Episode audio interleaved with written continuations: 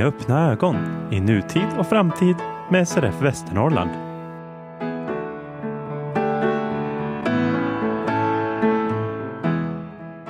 Hej och välkomna till ännu ett sprudlande avsnitt av Med öppna ögon. Det här är oktobers avsnitt. Mitt namn är Frida Klander. Till höger sitter Kristoffer Tillin. Hej! Hej! Och till vänster Peter Tjernberg. Goddag, goddag. Ja, ordningen är återställd sig efter den tidigare kuppen här som ni hörde om ni har lyssnat på vårt senaste avsnitt. Vi har ägnat oss åt återställare. Ja, det, det vart ju lite skadegörelse men vi skickar räkningen till US tänker jag. De är vana. Jag vet att de har varit i SRF-studio också. Ja, precis. Vi, Jag, jag var vi med när du sparkade ur en mikrofonsladd där en gång. Att jag gjorde? Ja. ja, just det. Ja, det kan vi ta. Det, herregud, jag nästan, för, jag tror jag förträngde det. Att Jag var tycker det måste komma till allmänhetens kännedom någon gång och det gör det nu. Ja, ja. Inget kommer man undan här. Men eh, vi glömmer det tycker jag. Och så pratar vi om vad vi ska säga, eller vad ni ska få lyssna på i det här avsnittet. Vi har intervjuat kanslichefen Anna Nyqvist på Valmyndigheten. Och sen så kommer ni också få höra ett personporträtt med Ingela Hofsten, journalist och syntolk. Hur är läget Kristoffer Thelin? Jo, men det är bra. Jag har fått nya ögon i veckan, så nu ska jag väl se bättre, säger de. Eh, eh, nej, men de ska se be- bättre ut i alla fall. Känns de Eh, bättre? De känns mycket bättre och framförallt så är mina ögon öppna nu för tiden. Det var de inte så mycket förut om jag inte spärrade upp dem. För att mina Det passar ju bra med vårt namn med öppna ögon. Ja, har du ju faktiskt öppna Ja, ögon. ja, jo, precis. Du kände att jag måste ju faktiskt hålla mig till det vi heter. Ja, eller hur? Det här gjorde du i Stockholm. Ja, det gjorde jag i Stockholm. Men Kristoffer, vad har du för färg på ögonen? De är grönblågrå, typ. Mm. Typ gröna mot mitten. Kan man välja hur många färger som helst eller vad har ni för utbud? Nej, alltså, hon frågade mig om vilken färg jag ville ha och då sa jag att typ mot grönt. Eh, och då det funkar så att de har färdiga eh, vad ska man säga, färdiga grundögon som är målade med irisar. Så då valde hon några där som hon tyckte skulle vara bra och sen smälte hon om dem till eh, storleken som de ska vara och så gör hon lite detaljarbete på plats. Typ, Wow. eh, så att man får som ådringsnät och sådär i, i, i dem. Och, eh, så. Måla med smältglas. Ja, precis. Wow. Så allt för att de ska se så att säga så verkliga ut som möjligt då. Mm, ja, absolut. Peter, vad har du för ögonfärg? Blå också, så vitt jag vet. Och det är förmodligen för att jag hade det säkert som seende. Det var ju inte jag, utan det är ju föräldrarna som nog har valt en gång i världen när det här började. Och sen har inte jag haft några synpunkter. För jag tycker jag kan inte ha det, jag begriper ju inte skillnaden. Peter, hur mår du då? Ja, men det är bra. Jag har en period när jag sover klent, men det kommer och går. Tror ni på det här som vissa säger, att blinda sover sämre? Jag, jag börjar nästan tro, eller också är det individuellt, men jag har väldigt, det kommer och går. Det där måste jag säga. Sover Kristoffer bra? Nej. ja, alltså jag har ju aldrig egentligen sovit eh, periodiskt jättebra och sen jag tog bort ögonen så har jag sovit rent gräsligt dåligt. Så att eh, det kan nog ligga någonting i det. Eh, även om det, jag börjar vänja mig lite grann nu. Men det beror också lite grann tror jag på eh, nivån av fysisk aktivitet. Ehm, för den, när jag gick fram och tillbaka till jobbet och tränade tre gånger i veckan så sov jag bättre än vad jag gör nu. Där har vi ytterligare en boll att kasta in. För att jag tror, jag tror det är helt riktigt. Om, när man har varit ute i friska luften och rört sig, då spelar det ingen roll om man är blind eller inte. Då sover man nog tämligen väl. Där har vi faktiskt en aspekt som vi inte har tänkt så mycket på, tror jag. Vi sitter mycket stilla. Det är exakt som du nämnde. Jag upplever att till exempel om jag tar en kvällspromenad eller när jag har varit och gymmat i perioder eh, och gör det sent på kvällen så sover jag väldigt bra. Det är samma om jag tar en bastu, eh, kanske mediterar, någonting som bara tröttar ut mig eller får mig att slappna av. Jag har ju den turen att jag sover hårt som fan, men ofta lite för lite. Jag somnar ganska bra ofta, men sen vaknar man till. Alltså jag, sov, jag skulle ju älska att få sova 6-7 timmar i ett svep, men det har inte hänt på 10 år, tror jag. Det händer ytterst sällan. Två är snittet. Ja, två till tre. Jävlar, alltså att ni orkar. Ja, men alltså, man somnar ju om kanske flera Ja, gånger per natt, men, alltså, men, men i sträck Ja. så sover jag sällan mer än två timmar. Hur står det till, Frida, med dig? Ja, men det är fan rätt bra. Jag är jättedålig i min sjukdom, men jag kompenserar med det att jobba som en galning. Eh, och det kanske inte låter så hemskt hälsosamt, men det är faktiskt ett sätt för mig att hantera det på, att ha annat att tänka på. Eh, och göra saker som jag tycker är kul. För då hinner jag inte heller fundera på den jävla verken i kroppen. Eh, men annars, jo då, jag håller på att fixa min lägenhet lite grann. Får ny färg på väggarna, gör jättestor skillnad. Um, ja, börjar lära känna lite mer folk här i stan och ja, livet har kommit igång igen efter sommaren. Det känns roligt. Jag tyckte ju att det var dags att bjuda in Anna Nyqvist igen från Valmyndigheten eftersom att det händer så mycket på den här fronten. Bland annat så är det ju snart EU-val och SRF jobbar ju även inför EU-valet med olika tillgänglighetsaspekter. Men sen också så pratade vi med Anna om att på Almedalen så hade man ett seminarium där man presenterade ett preliminärt förslag på nya valsedlar. Och det var jag ute i media och kommenterade för jag kunde inte låta bli. För det var så tyst om, eh, om det från synska rörelsen så jag kände att då måste jag göra någonting. Eh, och ja, jag tyckte det var väldigt intressant att få veta lite mer bakgrund och faktiskt lära oss lite mer kring hur mycket arbete det är kring våra val. Det är ju helt sanslöst hur mycket förberedelser det är. Det här är ju en fråga som synskaderörelsen har jobbat med på ett brett fält och vi har också ibland slitit vårt hårt hår i förtvivlan för det stannade ju upp, inte minst de nya valsedlarna. Så att det är dels det, det är tillgängligheten till lokaler och eh, hur, hur, det kommer att se ut i framtiden som det faktiskt har handlat om. Och det, det är väl bra att det följs upp, för det är nästan bara vi som gör det. Ja men precis, det är ju som lite grann, det är väl fel att säga vår fråga, men jag upplever, som ändå är engagerad i fler föreningar, att det här är framförallt SRF som driver frågan om valhemlighet och tillgänglighet generellt i valet. Men de andra har ju det, så det är väl inte, det är på den aspekten konstigt, för Nej, även som reumatiker, ja, men då kan du rösta hemligt, bara du tar dig in i lokalen. Ja men exakt, exakt, så att vi är liksom drabbade på ett annat sätt. Eh, vi har ju kanske inte problem att ta oss in i en lokal, men vi har däremot svårt att rösta självständigt och med valhemlighet. Så det är som olika aspekter av det där. Och som Anna berättar också, som ni kommer att höra, är ju att det finns ganska mycket regler och eh, rutiner kring saker. Och sen är det ju en annan femma om de alltid följs. Det är som med allt annat i samhället. När det är så många instanser inblandade så kommer inte resultatet se exakt likadant ut. Och det är väl ett problem också kan jag tycka. Men man vill, man har en väldigt bra och hög ambition från Valmyndigheten anser jag och eh, Länsstyrelsen till exempel som också är inkopplad. Men man kanske inte alltid når hela vägen fram. Vi tar vårt ansvar och vi kommer att fortsätta följa upp det här och jag tror också att Valmyndigheten faktiskt tycker det är bra att vi gör det. Att någon gör det, att SRF och US gör det. Ja, alltså Valmyndigheten är ju en myndighet så de kan ju inte, de får ju statlig finansiering så mm. de måste ju vara lite finkänsliga med vad de själv går ut med. Så vi är ju på något sätt en inre kraft för dem också. De vill ju också bli bättre och förändra vissa saker. Men vi som intresseorganisation måste ju där hjälpa till för vi har ju någonstans samma mål. Eh, och jag kan också säga att eh, Just nu så håller jag på att planera in eh, möten med eh, politiker i frågan på riksdagsnivå eh, för att trycka på lite mer. För att just nu så upplever jag och fler inom SRF att regeringen är lite för långsamma. Att man har en god ambition skulle jag säga och intention.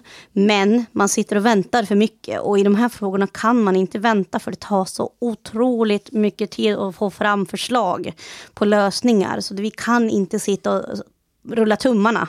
Utan det är här och nu. Om vi ska få en förändring till 2026, då är vi nästan redan för sent ute. På så pass är det. Nu har jag liksom jobbat med frågan ändå i två år, så jag börjar bli insatt i att det krävs otroligt mycket. Fortsättning följer. Då får vi säga välkommen tillbaka till Anna Nyqvist, kanslichef på Valmyndigheten. Välkommen! Tack. Vad innebär det att vara kanslichef på Valmyndigheten? Du får gärna berätta lite om det. Ja, det eh, innebär, jag är operativt ansvarig för arbetet på Valmyndigheten. Eh, så att leda och styra Valmyndighetens arbete med val helt enkelt. Och vi är ju ansvariga för planering, genomförande och utvärdering av val på övergripande nivå i Sverige. Hur länge har du jobbat inom myndigheten? Jag har jobbat på Valmyndigheten sedan 2016. Skulle du kunna berätta någonting om organiseringen när man ska göra ett val till eh, kommun, region och riksdag? Hur ser det ut? När börjar ni och vad gör man för planering? Valadministrationen i Sverige är decentraliserad. Mm. Så vi är uppdelade i central valmyndighet som är vid av Valmyndigheten som är övergripande ansvarig. Och sen så är det 290 kommuner som är lokala valmyndigheter och 21 länsstyrelser som är regionala valmyndigheter. Och alla ansvarar för att genomföra val på sin nivå. Eh, för Valmyndighetens del så är vi eh, ansvariga för det IT-system som alla valmyndigheter använder. Och det är en väldigt stor del av vårt uppdrag. Eh, att tillhandahålla det IT-system där partierna beställer valsedlar och anmäler kandidater, där vi producerar alla valsedlar och allt valmaterial och där vi också producerar röstlängder och röstkort och, och genomför själva valresultatet. Även om röstningen i Sverige är på papper så är det mycket som vi är beroende av ett IT-stöd för att göra. Och vi på Valmyndigheten producerar ju allt valmaterial och det var till exempel 710 miljoner valsedlar i Oj. valet senast. Ja. Väldigt många kuvert, eh, material, handledningar, utbildningsmaterial säkerhetsmaterial, förvaringsmaterial. Ja, det är en omfattande materialövning, ett val. Mm. Så att eh, det är lite av det som vi gör. Sen utbildar vi eh, kommuner och länsstyrelser och producerar utbildningar. Det är också en omfattande del av vårt uppdrag. Är det i princip så att ni börjar jobba med nästa val när ett val är klart? Eller hur funkar det där? Ja, så är det absolut. Men en del av vårt arbete är också, vi försöker i så stor grad det går att jobba valoberoende. Mm. Så att när vi utvecklar någonting så kan det hålla i flera val i rad. Liksom vi, vi eh, ska tänka mer långsiktigt än bara ett val.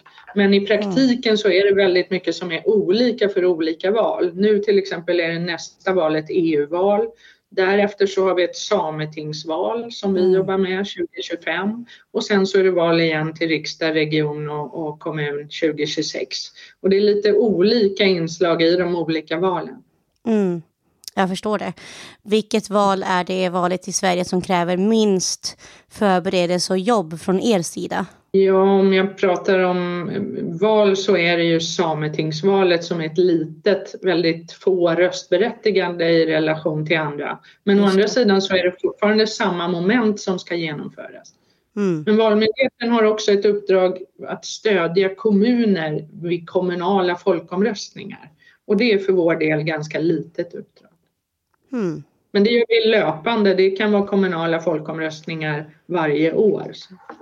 Jag läste här också på er hemsida att den 1 februari 2022 så trädde en ny lag i kraft som skulle vara eh, bland annat till för att stärka skyddet för oss som röstar med vår valhemlighet och trygghet vid val. Eh, skulle du säga att man har märkt någon skillnad efter den här lagförändringen eller vad har, vad har hänt sedan den trädde i kraft? Det som var nytt eh, till valen 2022 men egentligen trädde i kraft tidigare eh, för vi gjorde det redan, vi hade redan den lagstiftningen vid EU-parlamentsvalet 2019 så var det att valsedlarna skulle presenteras bakom en särskild skärm. Mm. Så att man går bakom en skärm först och tar sina valsedlar för att, eh, eh, ja, de valsedlar man vill rösta med och sen går man bakom en ny skärm och röstar. Eh, och, eh, och det var nytt första gången vi hade det på ett val till riksdag, region och kommun 2022 och det innebar ju stärkt valhemlighet för, för mm. väljarna. Har ni själva inom Valmyndigheten hunnit göra någon utredning kring hur ni tycker att det ja, men hur det gick helt enkelt senast? Ja, absolut. Vi har eh, följt upp erfarenheter fram, både från oss själva men också från kommuner och länsstyrelser. Eh, och vad gäller den här förändringen så har vi också gjort, eller Göteborgs eh, och Stockholms universitet gjorde hos oss en utvärdering av hur förändringarna fungerade för väljare. Och vi har lämnat en rapport med våra erfarenheter till regeringen i början av det här året. Mm. Eh, och där så säger vi att eh, den här förändringen just med avskärmade valsedlar, den fungerade bra så tillvida att den stärkte valhemligheten. Mm. Väljarna uppfattade att det var mer hemligt när man tog sina valsedlar. Eh, däremot så, så eh, var den eh, problematisk så tillvida att det, den innebär en väldigt svår logistik för kommunerna i vallokalerna. Mm. Och det gjorde att det uppstod köer, mer köer än vad vi brukar ha normalt i svenska val under valet i september 22. Och det ser vi att det behöver förändras Eh, för framtiden. Det är ju snart EU-val som vi har pratat om. Kommer man märka som medborgare någon skillnad nu vid röstningsförfarandet? Det som skiljer i EU-valet jämfört med val till riksdag, region och kommun det är ju att det är bara ett val. Mm. Eh, och det innebär färre valsedlar.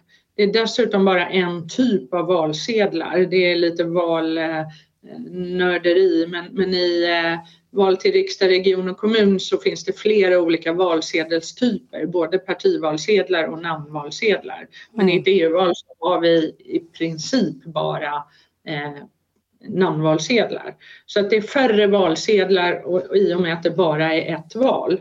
Eh, och dessutom så brukar valdeltagandet vara lägre. Eh, mm. Och det gör att vi inte tror att det ska bli samma logistikproblem som det var under val till riksdag, region och kommun. Eh, så att till, till det här valet så kommer det se ungefär likadant ut som det gjorde i eh, valet i september men eh, sannolikt med betydligt lägre, mindre köer. Det är bra att veta om tycker jag när man, när man går röstar vad man kan förvänta sig. Särskilt när man ser dåligt så känner jag i alla fall att det är ganska skönt att veta i förväg vad man ska förbereda sig på för, för att få hjälp med och hur det kommer funka och så. Det som vi eh, mm. gärna vill trycka på i det sammanhanget till alla väljare, alla som ska rösta, eh, det är ju att vi har i Sverige en väldigt lång period för förtidsröstning. Så att man kan förtidsrösta under 18 dagar och ju tidigare man gör det under perioden ju mindre köer brukar det vara. Mm. Så att vill man, eh, eh, är man lite orolig och behöver, känner att man vill ha tid på sig och kanske få hjälp också, då skulle jag ju rekommendera att man röstar under de många tider som det finns under perioden när det är lugnare. Är det så att det finns någon standardiserad mall kring hur en vallokal ska se ut? Och då tänker jag mycket kopplat till tillgänglighet. Det står i vallagen att kommunerna ska se till att det finns lämpliga lokaler som kan användas som val och röstningslokaler och som i fråga om lokalisering, tillgänglighet och öppethållande ge väljarna goda möjligheter att rösta. Så, så där står det tillgänglighet. Eh, det finns inte i lagen detaljer eller i förordning idag. Men det kom en utredning, en statlig offentlig utredning i början på 2022 eh, som föreslog eh, att man ska höja ambitionsnivån på tillgänglighet genom att ha en bestämmelse i vallagen som att tydliggör att tillgänglighet inte bara omfattar lokalerna utan också röstningsförfarandet och informationen till väljarna. Och också i samma utredning föreslår eh, att Valmyndigheten ska få i uppdrag att ta fram och upprätthålla en vägledning med samlade regler och rekommendationer för tillgänglighet vid val. Eh, så det, det förslaget det har utretts och det förslaget finns från en utredning som kom eh, jag ser att jag sa 2022, den kom 2021. Ja. Eh, men den har ännu inte behandlats, den har remissbehandlats men den har inte behandlats av regeringen. Mm. Så att det är inte omöjligt att det kommer ett förslag på att införa de här förändringarna som en utredning alltså redan har föreslagit. Det finns sammanfattningsvis, det finns eh, reglerat i lag men det finns också förslag på att det, det, de kraven ska bli tydligare för att ytterligare stärka tillgängligheten. Under Almedalsveckan den 28 juni så hade ni ett seminarium där ni presenterade ett förslag på hur nya valsedlar skulle kunna se ut. Jag skulle vilja veta lite grann hur har arbetet sett ut med att ta fram det här förslaget? För det första så har Valmyndigheten under många år nu eh, ända sedan 20, valet 2010 eh, när vi har följt upp valen så har vi eh, eh, föreslagit eller vi har konstaterat att det är mycket problem med valsedlar och att vi behöver ett nytt valsedelssystem. Och det har gått från att vi behöver utreda om det behövs Eh, och eh, till att vara väldigt tydligt att vi behöver ett nytt valsedelssystem och en utredning för att ordna det behöver igång snarast. Eh, och vi får ofta frågor om men vad ser ni framför er, hur kan en ny valsedel se ut? Eh, och därför så tog vi nu i somras fram ett förslag, eh, en prototyp egentligen hur vi, som man kan utgå ifrån. Det är inte något färdigt förslag på valsedel vill jag verkligen vara tydlig med. Mm. Eh, men det är någonting som vi tror, det bästa som vi tror just nu eh, skulle kunna vara för Sverige. Och det har vi arbetat fram tillsammans i Valmyndigheten, bara med Valmyndighetens experter. Men vi har haft alla våra eh, drygt knappt 40 valexperter och tillsammans arbetat med olika alternativ Eh, och det är inte lätt ska jag säga att hitta ett eh, perfekt förslag. Så det här är verkligen inte ett perfekt förslag utan det är någonting vi tror att man kan utgå ifrån och fortsätta med att eh, arbeta med bland annat tillgänglighet, design men också valdetaljer som Eh, säkert kan bli ännu bättre än vårt förslag. Vi har mm. utgått ifrån att det ska vara en enhetsvalsedel så att väljaren får en valsedel i handen när man kommer till vallokalen. Det har varit vår utgångspunkt. Det var ju så att jag i somras faktiskt gick ut i radio och pratade kring de här valsedlarna som jag då jag, jag såg det här pressmeddelandet några dagar efter ert seminarium och tänkte att jag måste kommentera det här för synskadades eh, vinkel.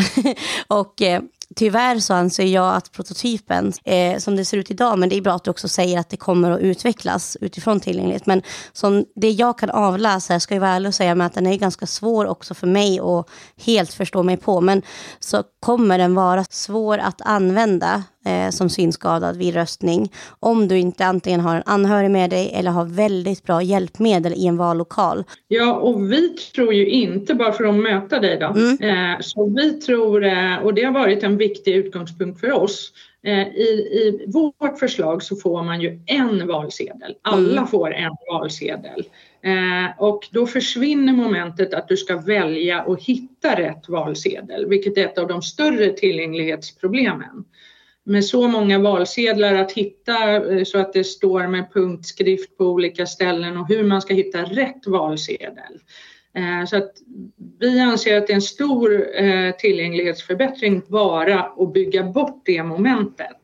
Mm. Sen så tror vi att vårt nuvarande förslag, som som sagt inte är färdigutvecklat utan det kan bli mycket bättre, men att det är väldigt mycket lättare att skapa verktyg för det förslaget. Mm än för nuvarande med väldigt många olika valsedlar.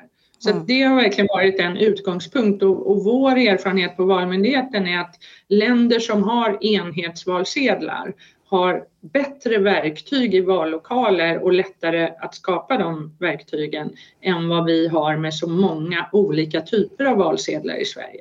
Men vi har inte uppdraget att ta fram en ny valsedel. Hade vi haft det så hade tillgänglighet ingått som ett av de viktiga arbetena. Men just nu så väntar vi på att en utredning ska tillsättas som ska utreda det här och då är vår valsedel, vårt förslag på valsedel en ingång in i den utredningen. Mm.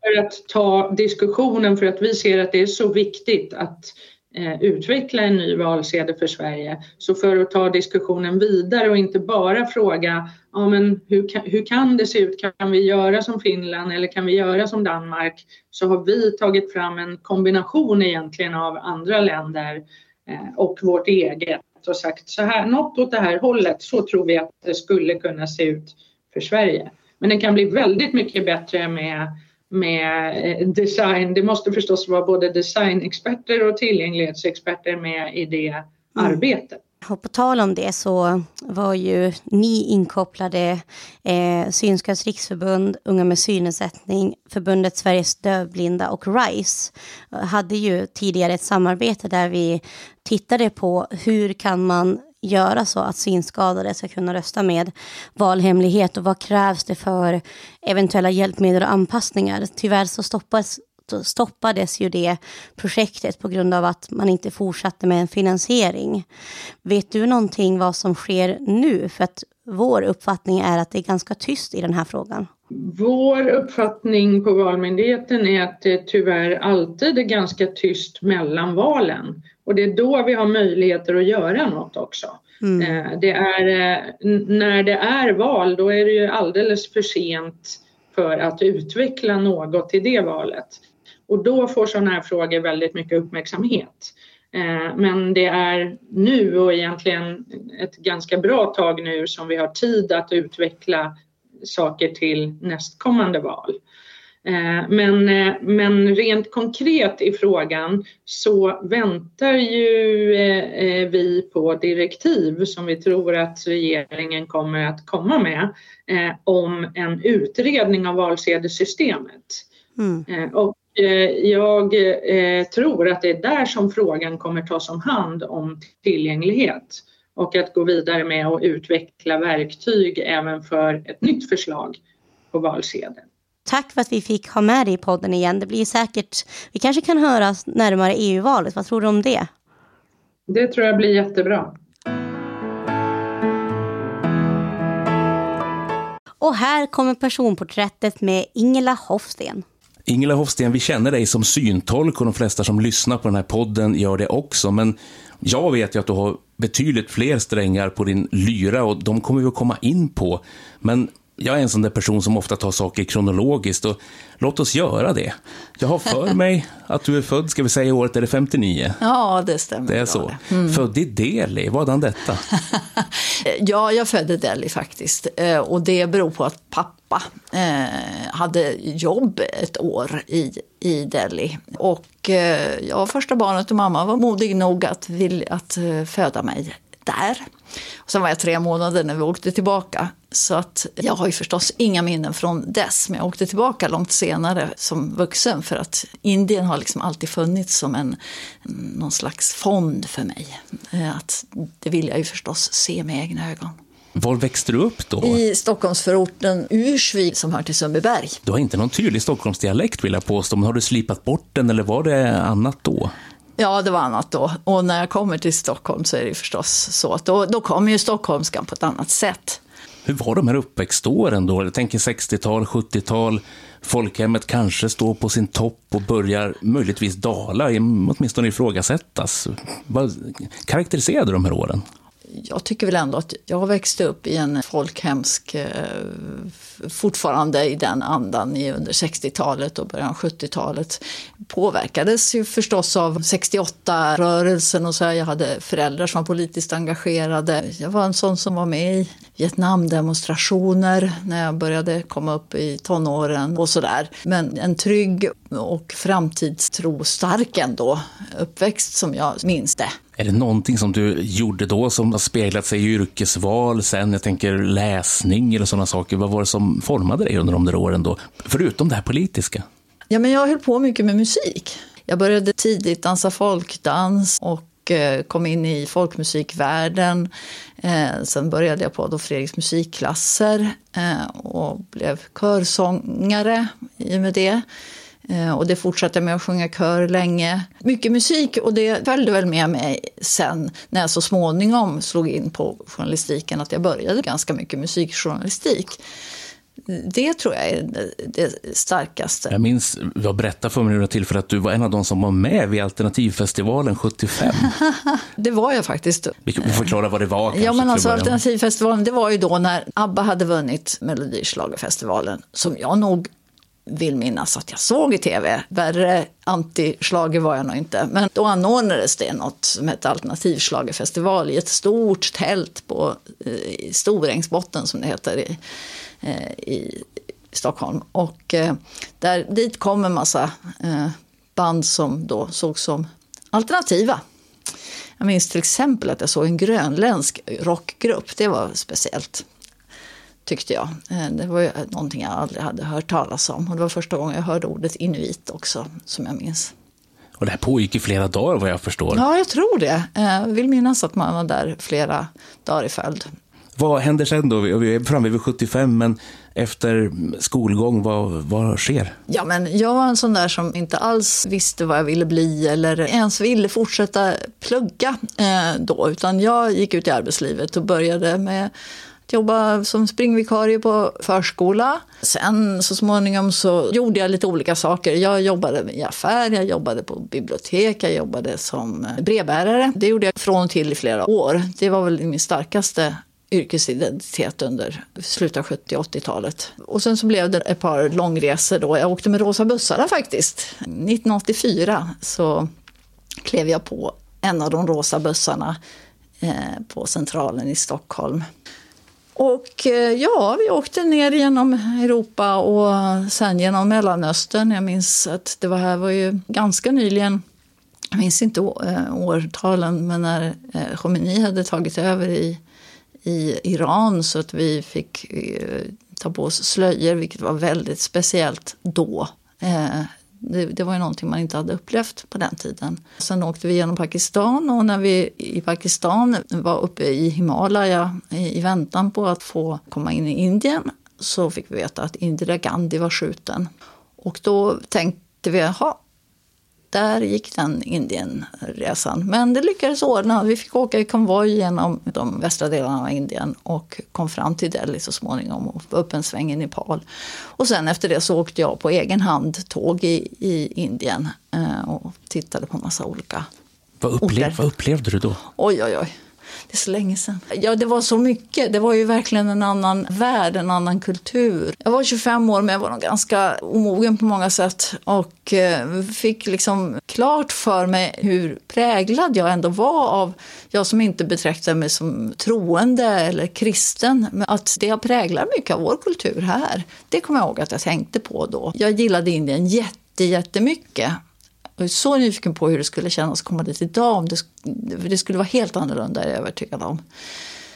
Och sen var det sånt där, det var lite kul när man var i den åldern att fira jul på en sandstrand i sydligaste Indien, i Trivandrum. Då, där hade jag eh, sammanstrålat med några av kompisarna från bussresan och jag upplevde många eh, spännande saker. En gång jag gick omkring i Bangalore, tror jag det var, och eh, hörde en musik och gick fram till någon portingång. Och då blev jag genast inbjuden, så där var det ofta. Särs kanske särskilt för att jag reste ensam. Och så, eh, ja men kom, kom, kom. Och då visade det sig vara ett bröllop. Och där mm. fick jag, varsågod, här kommer mat. Och, här, och det liksom, allting pågick. Folk gick och käkade under tiden och medan bröllopsparet eh, hade någon ceremoni där nere. Och jag, jag var bara liksom välkommen att komma dit och fota. Och uppleva det där. Och, eh, jag, jag tyckte det var sån gästfrihet eh, hela tiden. Är det fler resor du har gjort som du känner att det där har format dig på något sätt? Eller i alla fall gett en, en, en skärva av den som är du idag? Alltså säkert så är det ju så, fast jag inte, man ofta inte kan sätta fingret på vad det är som har gjort att man har formats. Men eh, jag har säkert också påverkats av att vi bodde, när jag var 13 så bodde vi i åtta månader i Ghana i Västafrika. För pappa hade jobb eh, än en gång eh, där då. Och då gick jag i internationell skola där. Och eh, jag kan inte säga på vilket sätt det har påverkat mig. Men, men, det är klart att det måste ha påverkat mig. Och sen var jag faktiskt på en till Indienresa eh, 87. Eh, med då en annan form av eh, resa. Den hette Läs och res. Och eh, reste runt in i Rajasthan som det heter framför allt. Det var också en fin resa.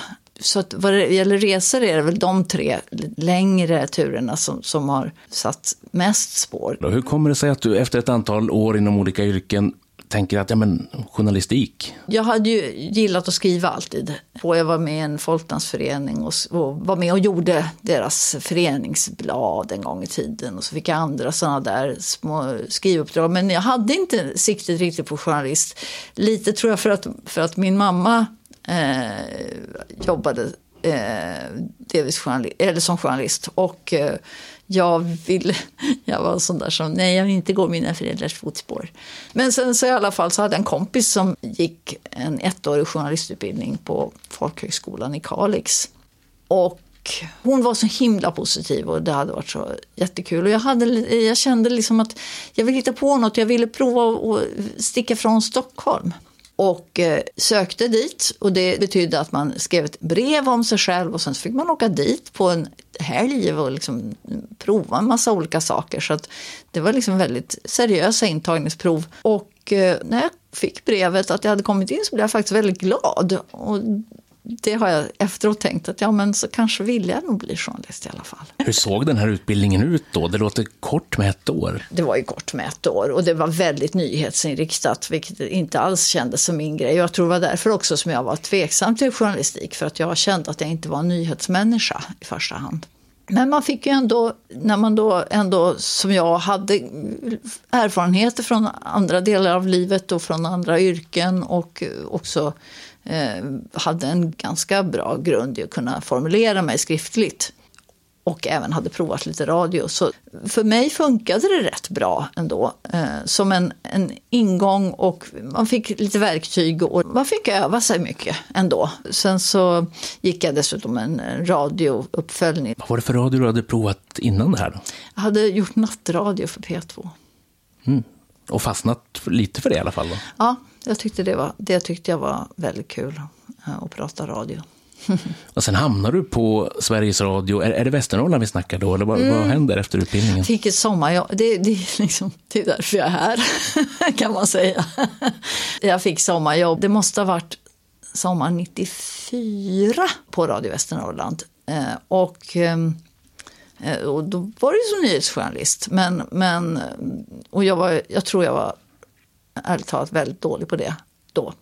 Men eh, jag, jag, gjorde i alla fall den där sommaren och sen så fick jag, eh, hade jag då hade ju P2 en redaktion i Sundsvall.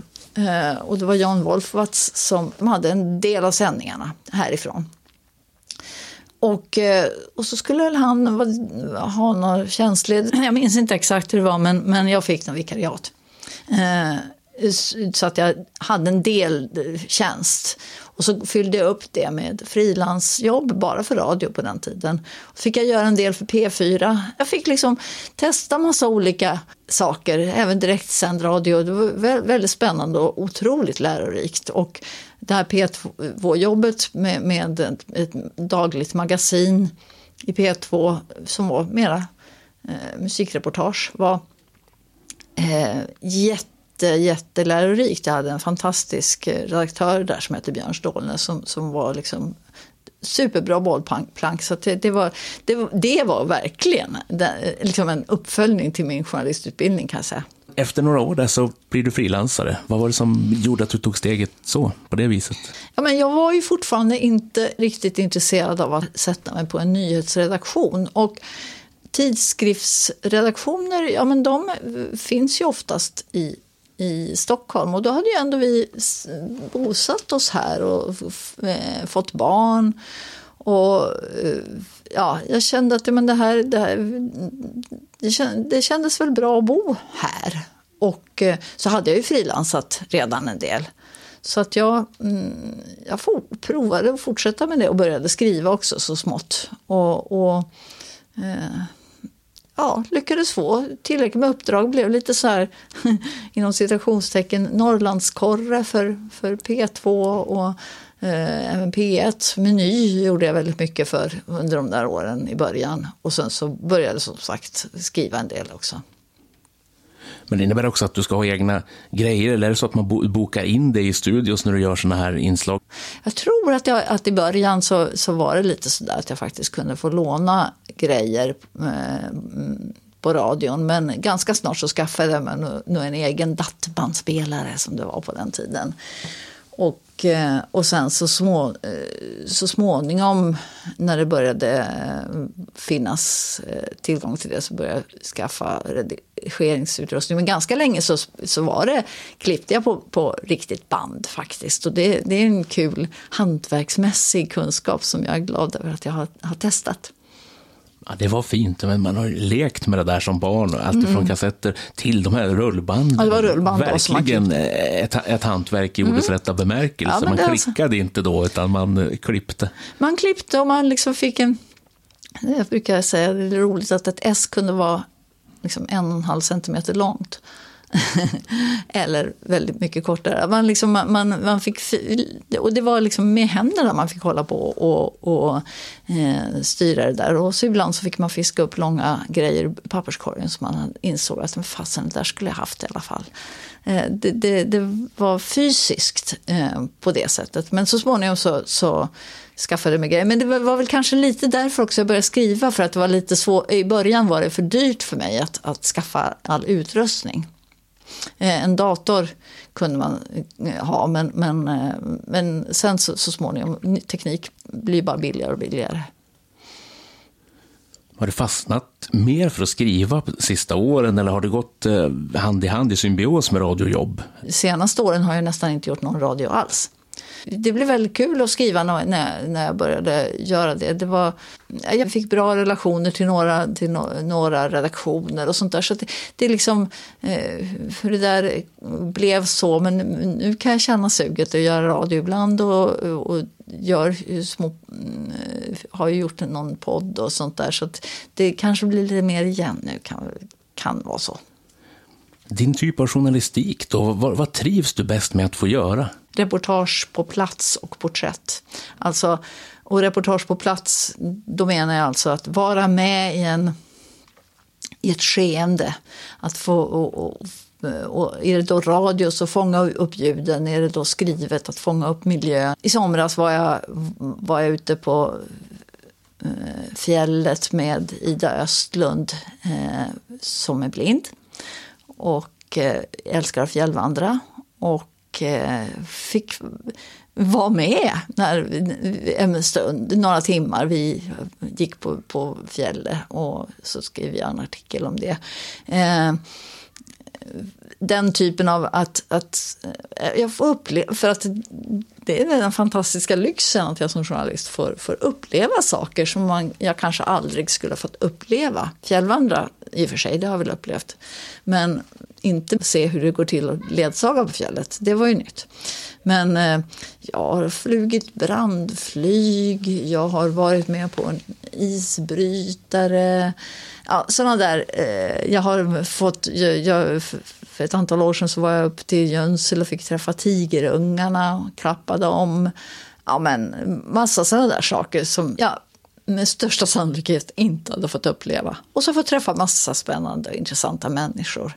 Så porträttjournalistik är också roligt. Och jag antar det finns ju såklart en deadline där också, men det är oftast inte lika stressigt som om du ska få ihop en nyhetsartikel till det här klockslaget också. Nej, det kanske nej. är lite bekvämare. Nej, nej, ja. Eller bekvämare ska jag inte säga, det, det, det är ett hantverk på sitt sätt, men, men inte samma stress inbillar jag mig i alla fall. Nej, det är det inte. Om man, stressen kommer ju där för att man, är alldeles, för att man skjuter upp saker, eh, tyvärr. Men, men det är en, absolut, det är en jättestor skillnad. Sen var ju det lite spännande när jag för några år sedan hade ett sommarvikariat igen på, på Oskarshamnstidningen. Mm. Än en gång vill jag prova någon annan del i landet. Eh, och eh, i två månader var verkligen eh, dagstidningsjournalist och fick, fick spotta ur mig texter. Det var en väldigt spännande erfarenhet. Och eh, nu- då med rutinen i, i ryggsäcken så, så gick ju det bra också. Och det fanns ju någon skärm i det också, måste jag ju erkänna. Annars känns det ju stressigt, jag kan tänka mig. När man är ny, har du rutin som du säger att du har, då kan man ändå känna kanske att ja, men jag kan åtminstone skriva begripligt. Förmodligen är det inte så många syftningsfel i det här, men jag vill läsa en gång till. Men, Ja. men det blir en press där också. Ja, ja men framförallt tror jag eh, att jag också inte var lika rädd för att ställa frågor nu som jag var. Jag, jag förstod vilka frågor och jag förstod vilka jobb som man borde göra och sånt där. Men nej, men absolut. Det, det, det är roligare att få eh, jobba med formuleringarna, att, att eh, försöka att få, få till eh, språk, eh, ett språk som, som eh, mm, ja, att, eh, som lever, eller vad jag ska säga. Men skriver, det gör du ofta och framförallt har du gjort det på slutet för du kommer ju också att ge ut din, det blir väl första bok, det så? Ja, ja första riktiga bok mm. i alla fall. Jag har varit med om några rapport, eh, eh rap, eh, rapportböcker eller vad man ska säga, men det är mer som häften kan man säga. Men berätta mer om det här projektet. Vi, vi pratar ju om Kaj Gullmar, eh, Gurli Maria Bergström ursprungligen. Du gjorde dokumentär om mm. henne. Det var väl det var två delar?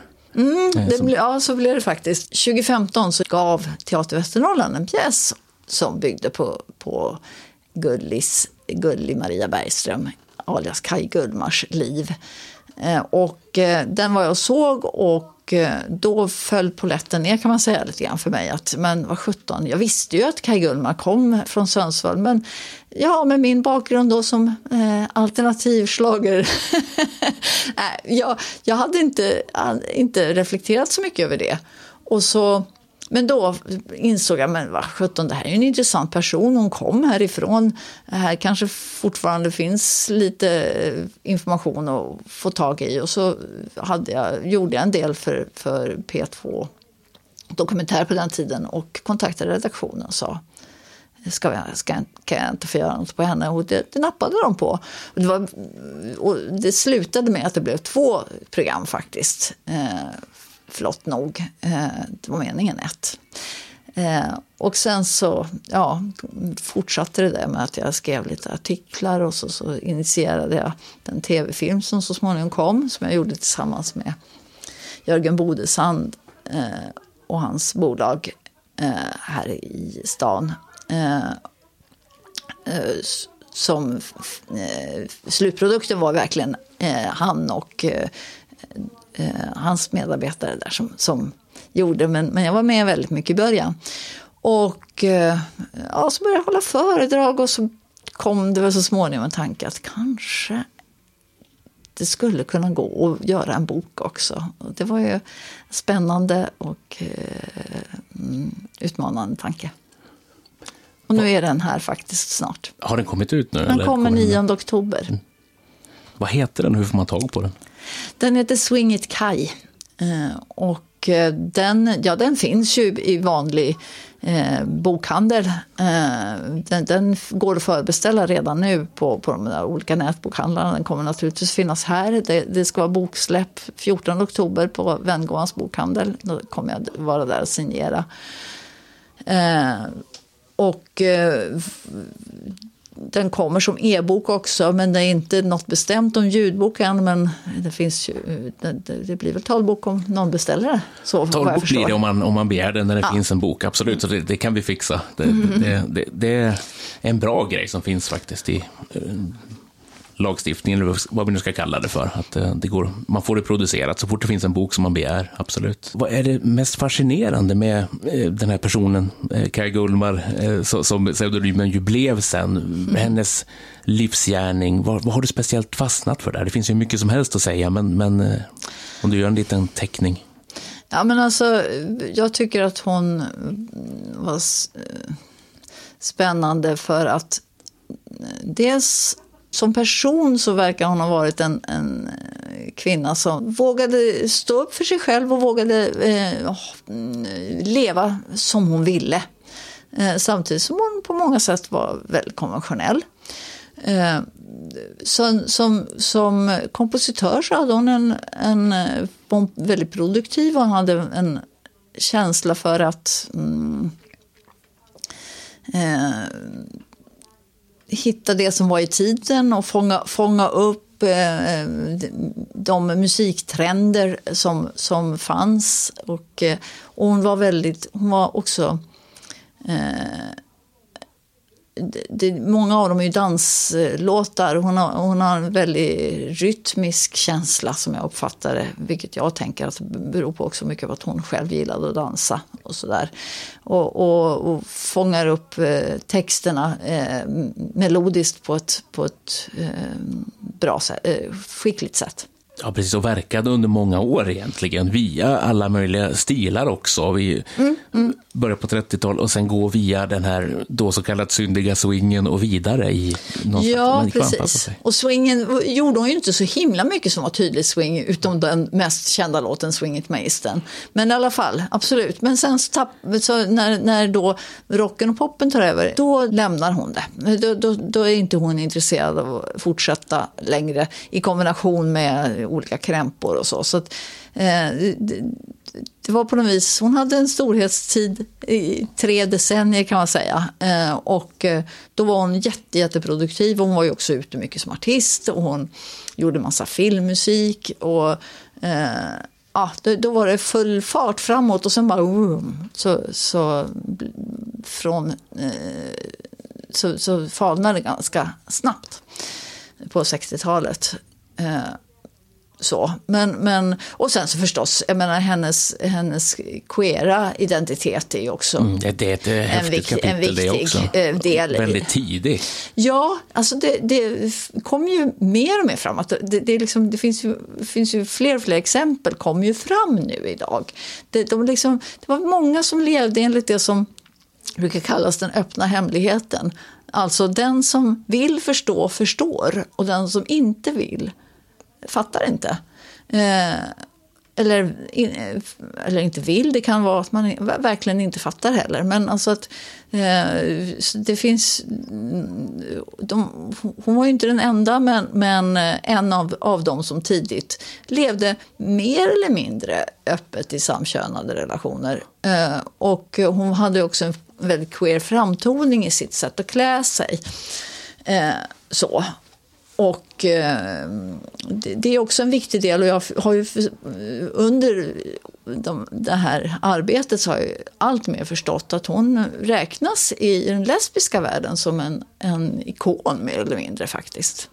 Ja, visst, som kommer fram i efterhand och man kan koppla in, ja, hon har ju en, en stor eh, ställning där och eh, mm. Karl Gerhard också, många ja, runt ja. det här som man inte pratar öppet om som du Nej, säger. Exakt. Ibland kan man få för sig att ja, men, det kanske var mer också accepterat inom showbusiness absolut. på något sätt. Ja, det, det tror jag inte, det, det är absolut en sanning skulle jag säga. Det, det, de, de jag har intervjuat som, som var i den världen och som som kände Kaj Gullmar eller, och andra, det, det, var liksom, de sa det att ja, ja, men det, så var det. Och det var väl ingenting som man varken pratade om eller inte pratade om, men, men ja, det, det var accepterat på ett helt annat sätt. Så har jag uppfattat det. Och det misstänker jag att du skildrar också i mm. boken som, mm. som vi rekommenderar att ni läser. Och vill man höra dig prata mer om det här så har du gjort det i podden Snedtänkt. Så vi, vi ska kanske inte gå djupare in på det just nu, men, men det var något år sedan som ni gjorde ett avsnitt Eh, som du blir intervjuad där vet jag. Så där kan man nästan en och en halv timmes eh, Kaj Gullmar-prat. Mm. Mm. Som, som grund, och, kanske precis. man läser på. Och, och jag håller ju föredrag ibland också, så det kan man... Just det, det går att anlita dig också. Ja, precis, det mm. gör det. Men du är också känd som syntolk. 2011 var mm. det som du gjorde debut, vill jag minnas. Mm. Hur har det kommit in i ditt liv? En kombination av mitt kulturintresse, Eh, Eh, mitt, eh, min journalistiska bakgrund. Jag är van att prata i radio, van att beskriva saker med ord. Eh, och eh, att jag fick vetskap om att, att syntolkning finns och förstod att det är en, en viktig grej. Och där lär vi träffa dig fler gånger framöver misstänkte jag. Sista frågan då Ingela. Jag misstänker att du inte har några planer på att lägga av med vare sig som syntolk eller journalist, även om du närmar dig den åldern när man kan sluta jobba så småningom. Men, men det känns inte som att det är aktuellt när det gäller dig. Jag väljer mer vilka, vilka jobb jag, jag gör. Och det kommer jag nog bli ännu mer sådär att eh, de så kallade brödjobben kanske jag drar ner på. Och så gör jag de som jag verkligen tycker är väldigt skojiga. Men eh, eh, nej, eh, så länge jag är frisk och kry och pigg så kommer jag nog fortsätta ett bra tag till. Och det här blir ett bra tag till. Men då hörs vi fler, som du säger, skojiga sammanhang. Tack så mycket Ingela Hofsten. Tack. Det händer ju som sagt mycket som jag berättade, inte bara i våra egna liv utan även i SRFs verksamhet. Det finns några roliga aktiviteter här att hålla koll på i höst. Vi kommer fira Ögats dag den 25 oktober i Sundsvall på Tornhuset klockan 18.00 så kommer medlemmar vara välkomna och allmänheten. Då kommer vi bjuda in Ehm, min före detta ögonläkare faktiskt som kommer prata om den senaste ögonforskningen. Hon är idag verksam vid Umeå universitetssjukhus. Vi kommer också bjuda in en ögonläkare från Sundsvalls sjukhus för att berätta om de vanligaste ögonsjukdomarna. Vi kommer bjuda på fika och viktig information, så jag hoppas att vi ses på Tornhuset den 25 oktober klockan 18.00. Den 18 november, då är det dags för SRF Västernorrlands höstmöte. Traditionsenligt håller vi till på Härnösands folkhögskola och vi startar upp med lunch klockan 12.00 vi genomför sedan ett möte 13.00 och någonting mer. Och vad någonting mer är, det kommer jag tillbaka till den 1 november. Det blir en cliffhanger i sammanhanget för det är inte riktigt spikat. Vi tittar på föredragshållare, vi tittar på musiker. Någonting mer än möte kommer att bli. Men mötet som sådant är också väldigt bra därför att där ska vi forma vår framtid, åtminstone ett år framåt. Vi kommer att anta en verksamhetsplan. Höstmötet får yttra sig om den, det förslag styrelsen framlägger. Vi kommer att prata några andra saker också naturligtvis. Vad händer i lokalföreningarna? Och lite rapporter hit och dit från RIK säkert också. Så det är ett viktigt möte. Vill du ha chansen, få chansen och ta den att påverka vad vi ska göra, då måste du komma till höstmötet den 18 november. Anmälan ska vara kansliet till handa senast den 3 november. Och hur gör man det? Jo, man kan mejla till vasternorrland srf.nu eller ringa på 0611 100 70.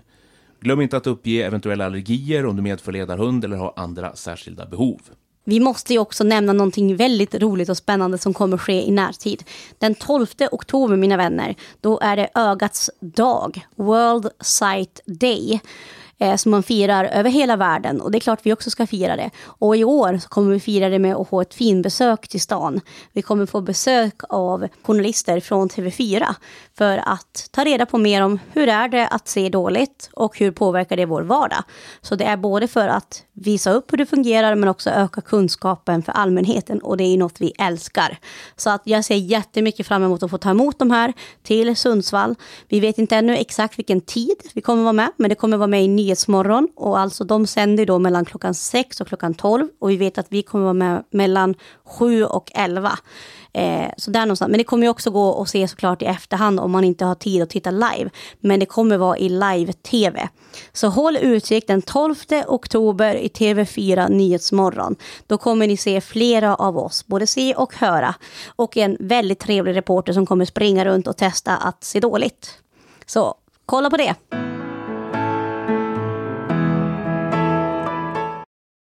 Tiden går ju fort när man har roligt och vi hoppas ju att ni har haft glädje av ännu ett avsnitt. Så tyvärr, men vi hörs ju snart igen, så återstår det för mig att säga tack för den här gången och på återhörande och återseende och som vanligt, som vi säger varje gång och det gäller nu också, så blir vi väldigt glada att få all form av respons från er. Positiv som negativ. Kom gärna med idéer tips, förslag. Vad vill ni se, höra mer av? Vad vill ni höra mindre av? Vill ni själva vara med? Har ni något intressant ämne? Hur kontaktar man oss då? Hur når man oss bland annat Peter? Bland annat så kan man mejla till vasternorrland srf.nu men man kan väl också ringa till dig? Ja, det kan man göra och då är det 076 539 9225. Vi måste ju också nämna en rolig nyhet. Vi finns numera på Instagram. Där heter vi med opna ogon. Så helt enkelt vårt namn med en O istället för Ö som man måste ha. Så det blir lite annorlunda namn. Men sök på med opna ogon så hittar ni oss där. Där kommer ni få se roligt bakom kulisserna material med både oss i Eh, redaktionen, men också med våra gäster. Där kommer ni också lätt kunna skriva till oss vad ni vill höra mer av, ställa frågor. Helt enkelt en rolig kanal. Så gå in på Instagram och följ oss gärna och tipsa om vår sida. Ha det gött!